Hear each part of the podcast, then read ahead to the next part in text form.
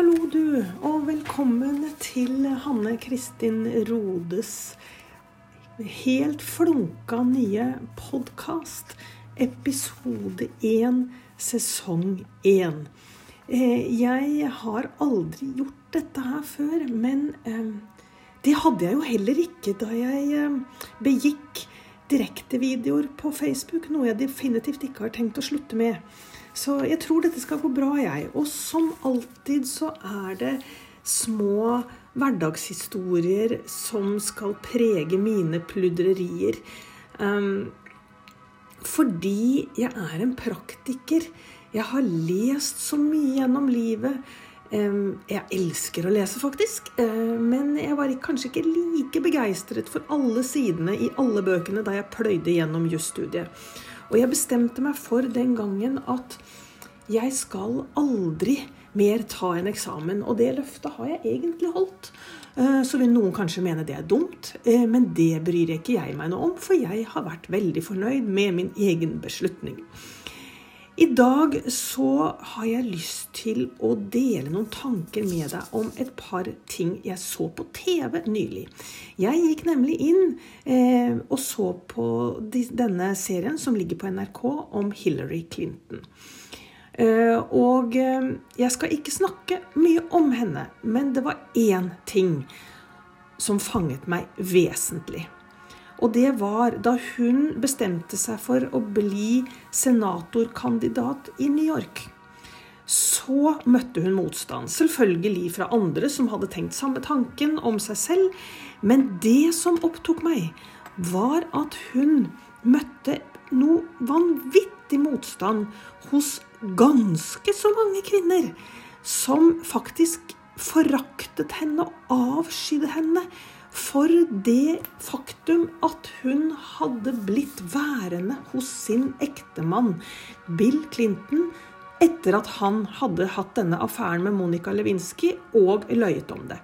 Og disse kvinnene, som da var eh, ressurssterke kvinner, eh, mente at hun var maktsyk, og at eh, henne kunne de aldri stole på. Så var det da Hillarys støttespillere som dro rundt på disse møtene til disse kvinnene og spurte hvorfor tenker du sånn? Han bedro henne, og hun skulle aldri blitt hos ham, var svaret. Og så kom det et sånt hjertesukk fra mer enn én. I wish I could vote for him again.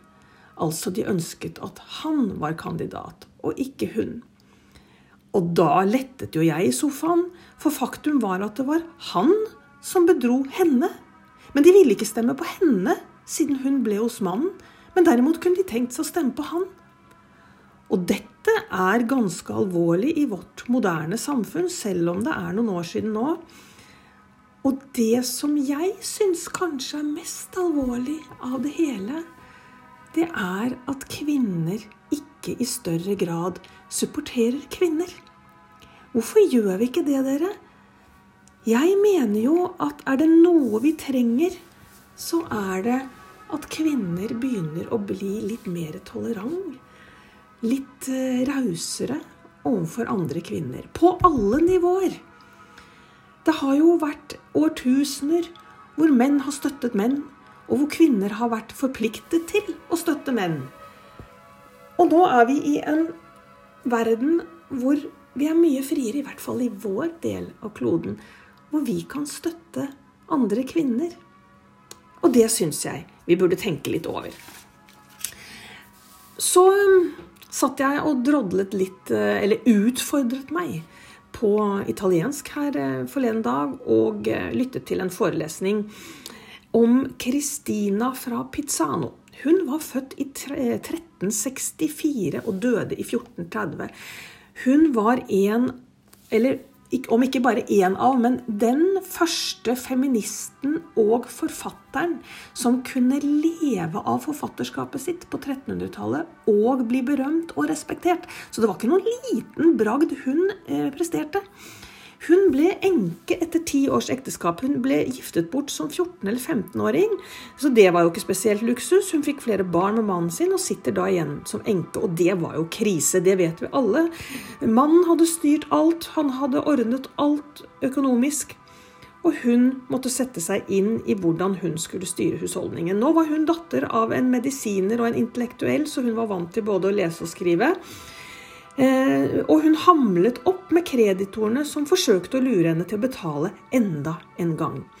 Men det historien sier, og som jeg tror, hvis jeg har oppfattet riktig, som hun også har beskrevet selv, er at hun en natt hadde en merkelig drøm.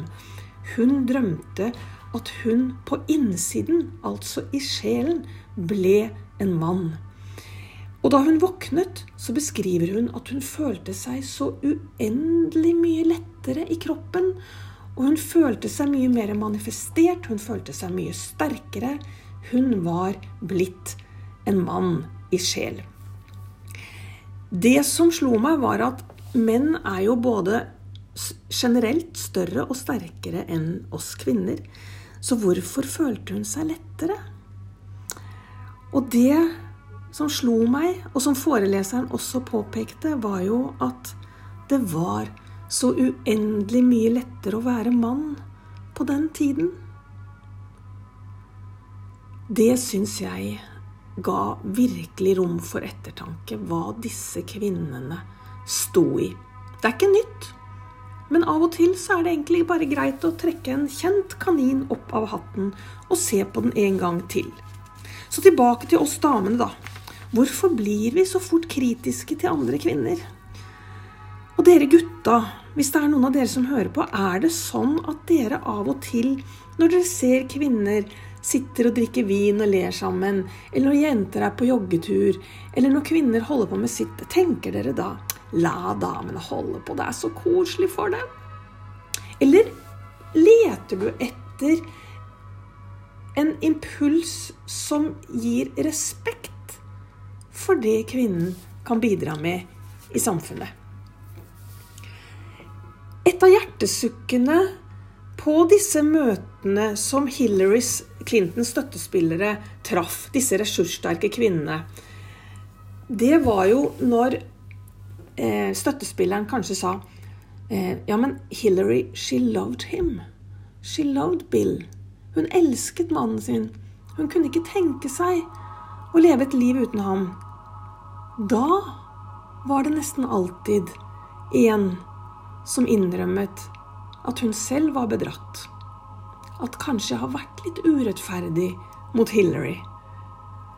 Og da tenker jo jeg, da, i mitt enkle hode, hvem er vi sinte på når vi smeller ut noen lite velvalgte ord, når vi fordømmer andre når vi rystes i våre innvoller og grunnvoller og hjerneceller og alt som er, er det verden som er dum?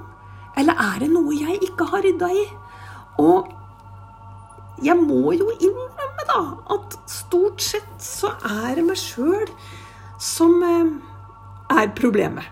Det er jeg som ikke har ryddet nok. Så hva kommer det ut av dette her, da, dere? Nei. For meg så handler det om det jeg har brukt livet mitt til. Jeg har jobbet 25 år i politiet i Oslo, og jeg fikk god trening i kommunikasjon. Positivt og negativt. Jeg har stått i hersketeknikker og trakassering, jeg har stått i ros og ris, jeg har stått i utvikling og bratte læringskurver, masse latter, fantastiske kollegaer. Jeg har lært å bygge immunforsvar, et mentalt immunforsvar. Jeg har lært å svare med puls, så høy puls at jeg nesten ikke hørte hva jeg sjøl sa. Hvor jeg slo tilbake for å vinne diskusjonen. For å rettferdiggjøre meg selv, kanskje. Men etter hvert, da, hvor jeg forhåpentligvis har blitt litt klokere, så har jeg lært å svare også uten puls. Og ja, det er ikke enkelt. Det kan hende du tenker ja, særlig det vil aldri jeg greie. Jo da, sier jeg, det vil du greie.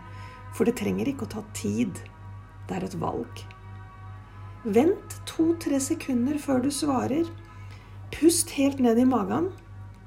Det er lov å slå tilbake. Vi skal ikke være fromme og unnselige og la andre herske og herse med oss.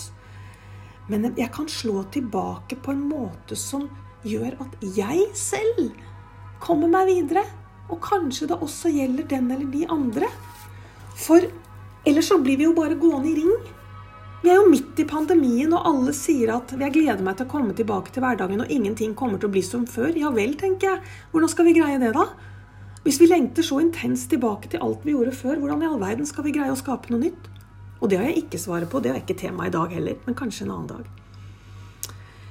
For eh, mange år siden, jeg tror det var, jeg, var da jeg utga min andre krimroman, 'Bare et barn'. Da hadde jeg vært ute og fleipa litt. Jeg hadde sagt at uh, Vilma Lind hun skal danke ut Harry Hole. Det sier man tydeligvis ikke ustraffet i Norge. Jeg hadde jo lagt til i intervjuet i Dagbladet at det er fordi Harry Hole drikker altfor mye, mens Vilma hun er jo edru og klar i hodet. Dette var en ren spøk. Jeg snakket ikke om at Hanne Kristin Rode skal konkurrere med Jo Nesbø. Jeg har tross alt fortsatt et visst gangsyn da og nå. Men det endte opp med at jeg fikk flere brev, hvorav et kort fra en dame oppe i nord. Det var et lite, pent kort med en kattepus på forsiden. Hun hadde tydeligvis fått med seg at jeg er katteelsker. Men inni så sto det til Hanne Kristin Rode. Du er selvopptatt, ufyselig og skrytende. Du burde skamme deg. Og så var den signert med fullt navn og adresse.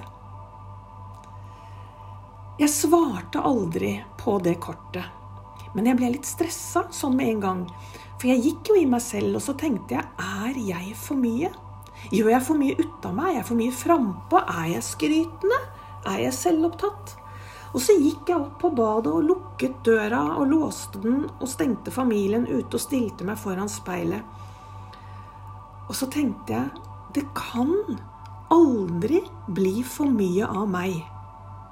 Det kan aldri bli for mye av deg heller, som hører på.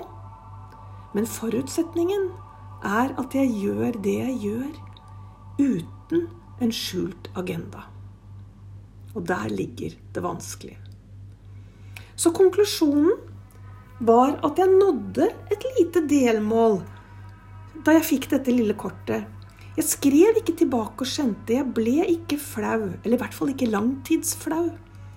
Men jeg sendte henne et smil som fra sjel og en takk.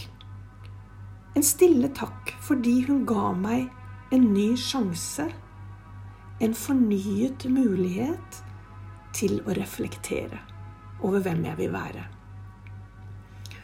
Og jeg har i hvert fall bestemt meg for at jeg vil støtte kvinner.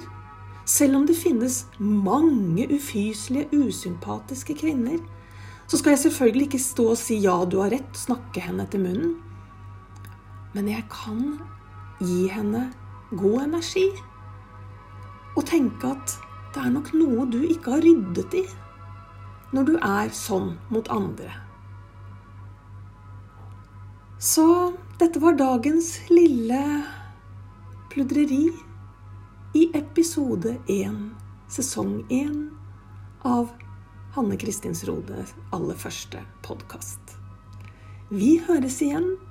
Takk for at du følger.